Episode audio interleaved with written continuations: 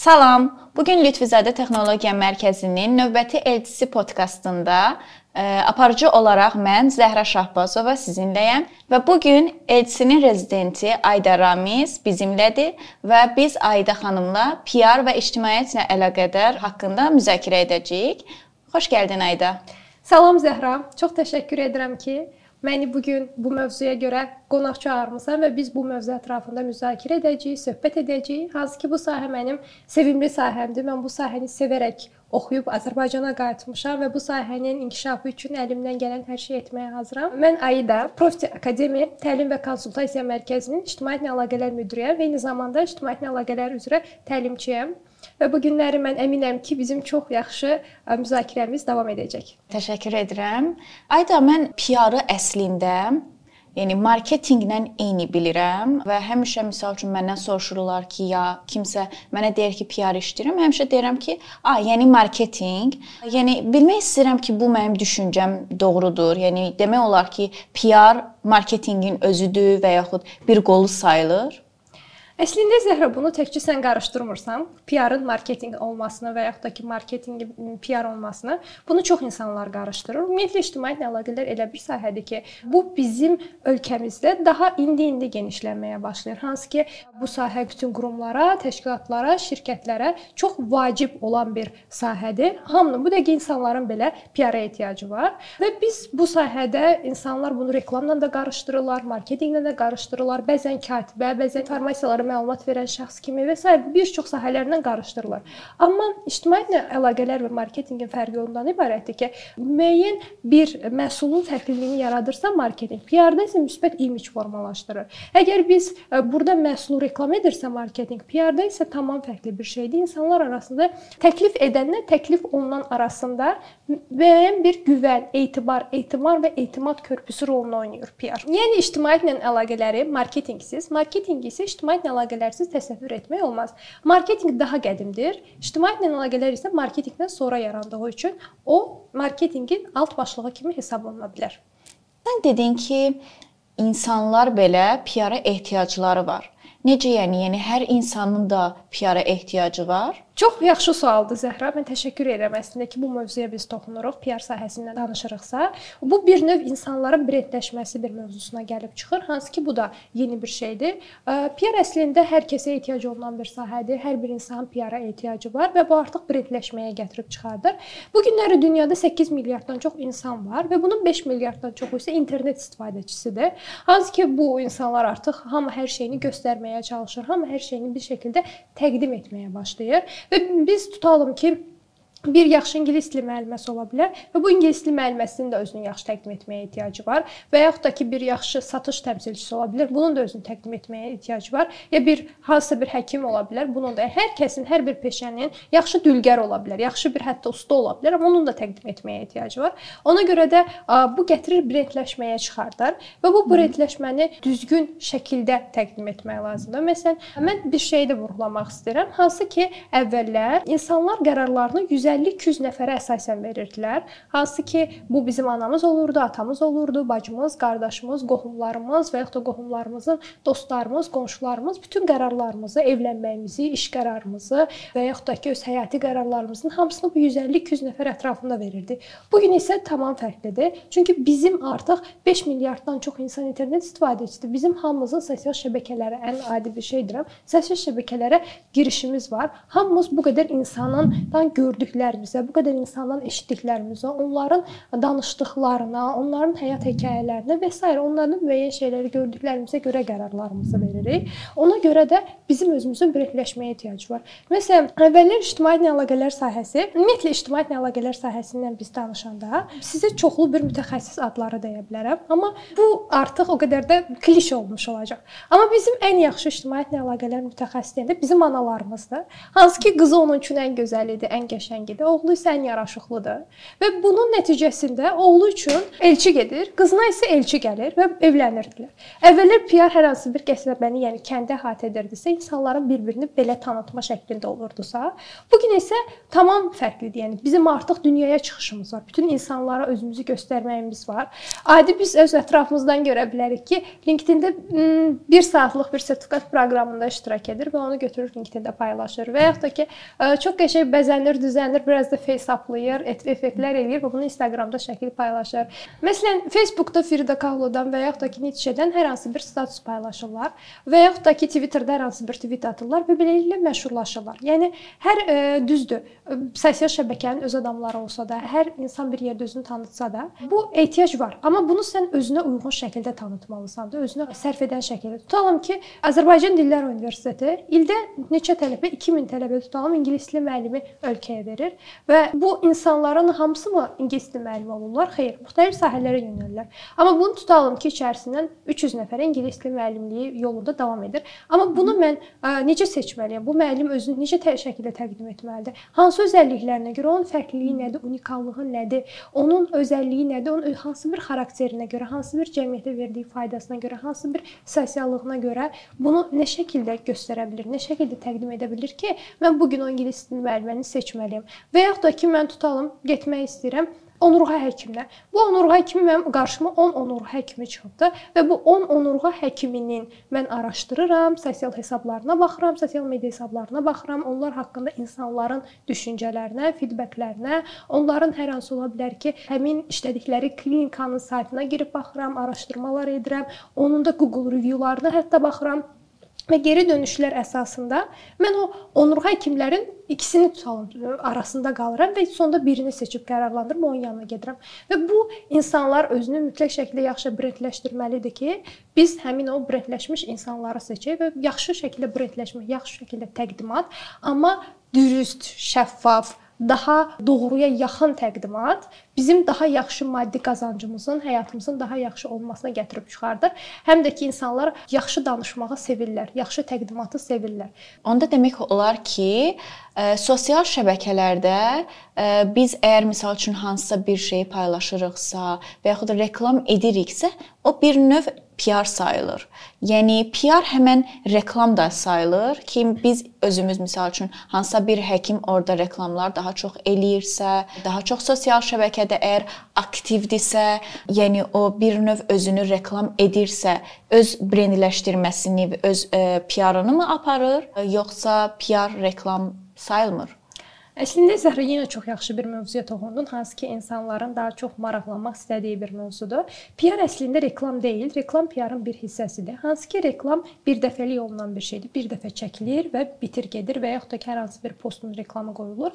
Bu reklam sayılır. Amma PR isə hər hansı bir məhsulun yaranma düşüncəsindən olduğu haldan və onun sonuna qədər aparılan bütün işlərdir. Yəni məsələn, bu gün bir dəftər çıxır. Bu dəftərin o ideyası gələn andan onun PR-ı aparılır alır, ta onun satışda olmasına qədər, onun insanlara çatmasına qədər hər bir şey o dövr o PR strategiyasıdır. PR-ın olmasını gətirib çıxardır. Sosial mediadakı PR demək deyil. Sosial media PR-ın bir hissəsidir ki, hansı ki, sosial media hesabları düzgün şəkildə olmalıdır. Ümumiyyətlə sosial media hesablarımız bu günümüz üçün, müasir dünyamız üçün bizim şəxsiyyət vəsiqəsi rolunu oynayır. Yəni sənin haqqında bilmək istəyirlərsə, hər hansı bir sahədəsənsə və yaxud da ki, adi işə qəbulunda və yaxud da ki, hər hansı bir şeydə artıq sosial media hesablarına daxil olurlar. Baxırlar ki, məqsədi nədir, necə bir insandır Tutalım Zəhra kimdir? Zəhra nə işlə məşğuldur? Zəhranın fərqliliyi nədir? Zəhra insanlara nə töhfə verib? Zəhra insanlardan nə istəyir? Fəlsəfi düşüncəsi nədir? Zəhra necə şəkillər paylaşıb, necə nələr edib, nələr etmək istəyindədir? Bu günləri bizim sosial medialarımız bu göstəricilərdir. Amma ki, bəzən mənə yazırlar ki, SMM bəs PR-dırmı? Xeyr, SMM PR deyil. Burada sadəcə o bir hissəsi digital ümumiyyətlə SMM digital marketinqə daxildir və bu PR-ın PR digital marketinqdən fərqlidir, amma yenə də digital media hissəsi də PR-a daxildir. Ki, hansı ki PR-da burada ənənəvi PR var, digital PR var və o digital PR hissəsində sosial mediaları biz göstərə bilərik. Onda belə bir sual yarandı indi məndə. Yəni PR deyirsən ki, özümüzü daha çox sosial şəbəkələrdə və yaxud rəqəmsal dünyamızda özümüzü, yəni orada paylaşırıq, e, məlumatlar bir-birimizə ötürürük.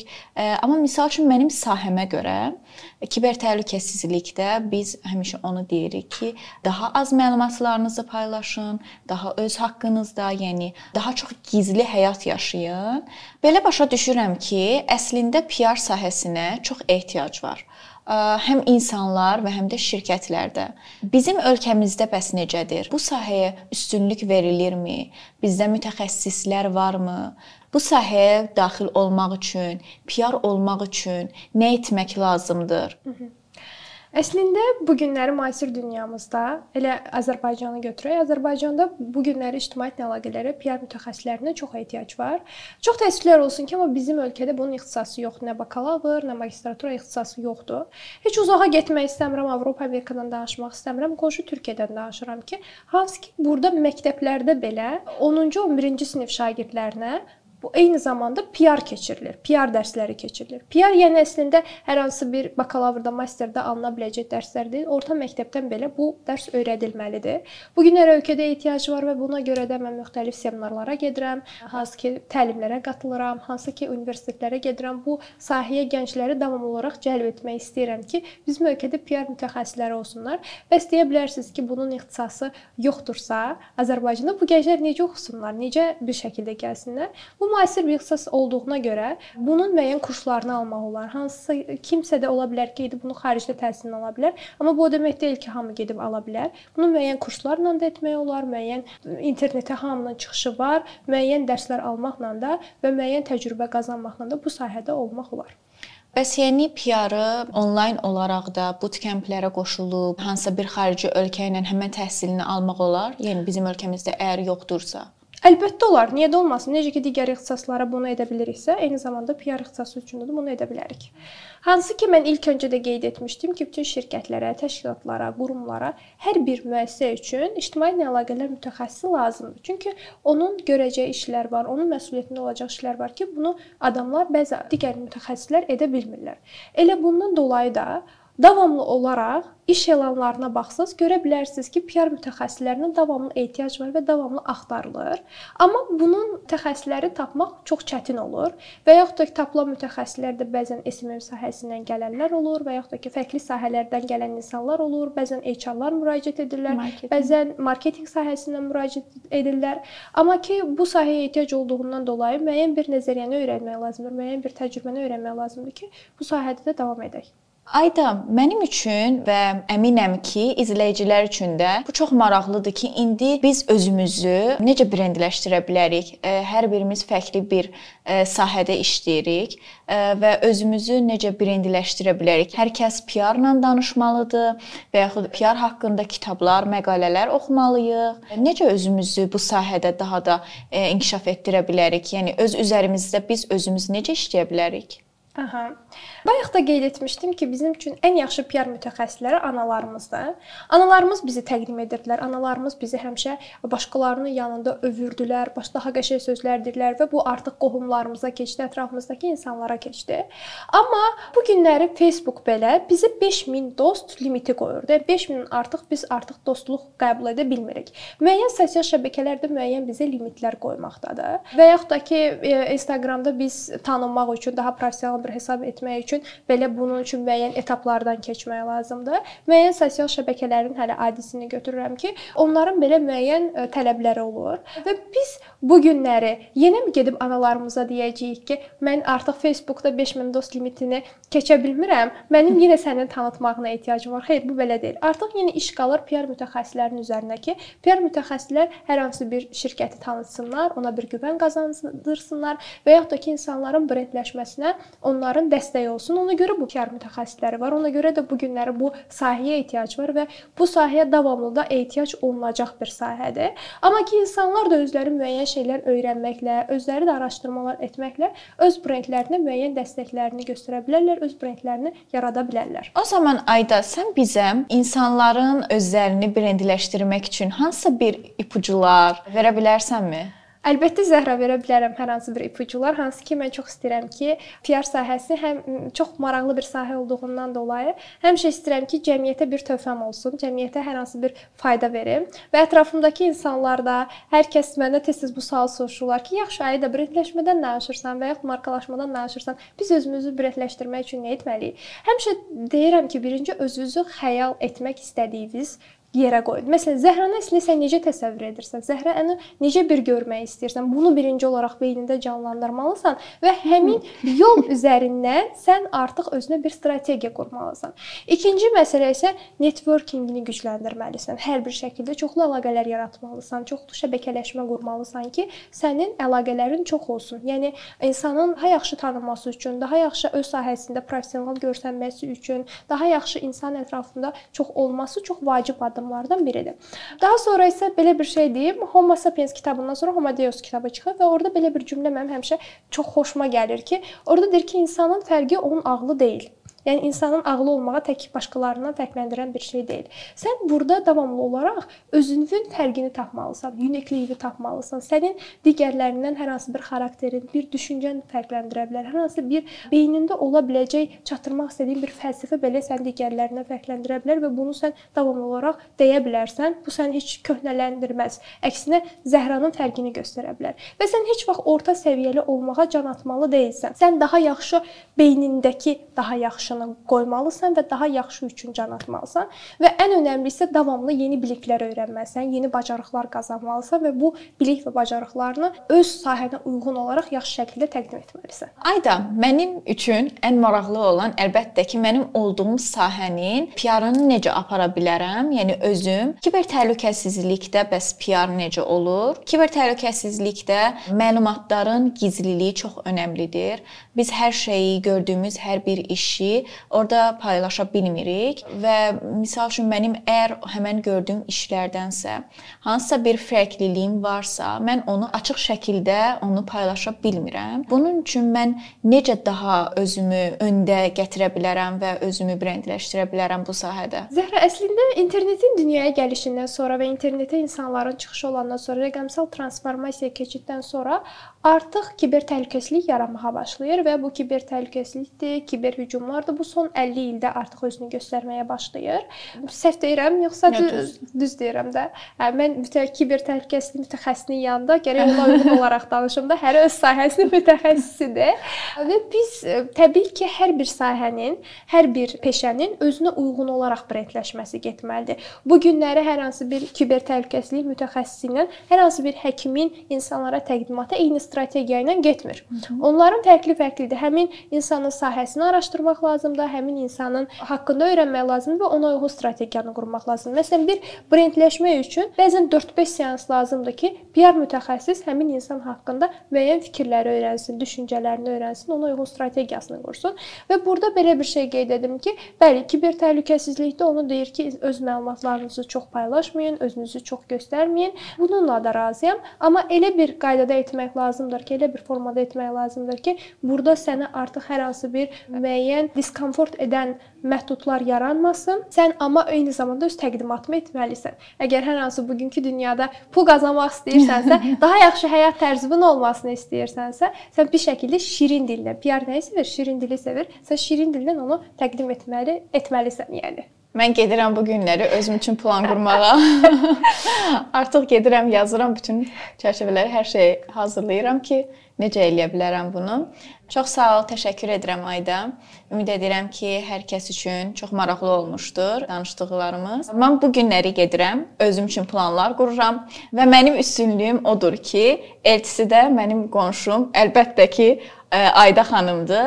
Bu günləri biz biraz bir-birimizdən danışaq. Mən ipuçlar almalıyam səndən. ipuçlar verəcəm ki, mənim çoxlu ipuçlar ehtiyacım var. Yəni istədiyimiz o hədəfə, o xəyala çatmaq üçün Demək ki, lazımdır. Çox sağ ol Ayda, təşəkkür edirəm və Lütfüzadə Texnologiya Mərkəzinə də təşəkkürümü bildirirəm bu podkastı yaratdıqları üçün. Təşəkkür edirəm Zəhra. Mən çox sevindim ki, ən azından da olsa bu sahə haqqında mən müəyyən bir bilgilər ötürə bildim, müəyyən bir faydam toxundu.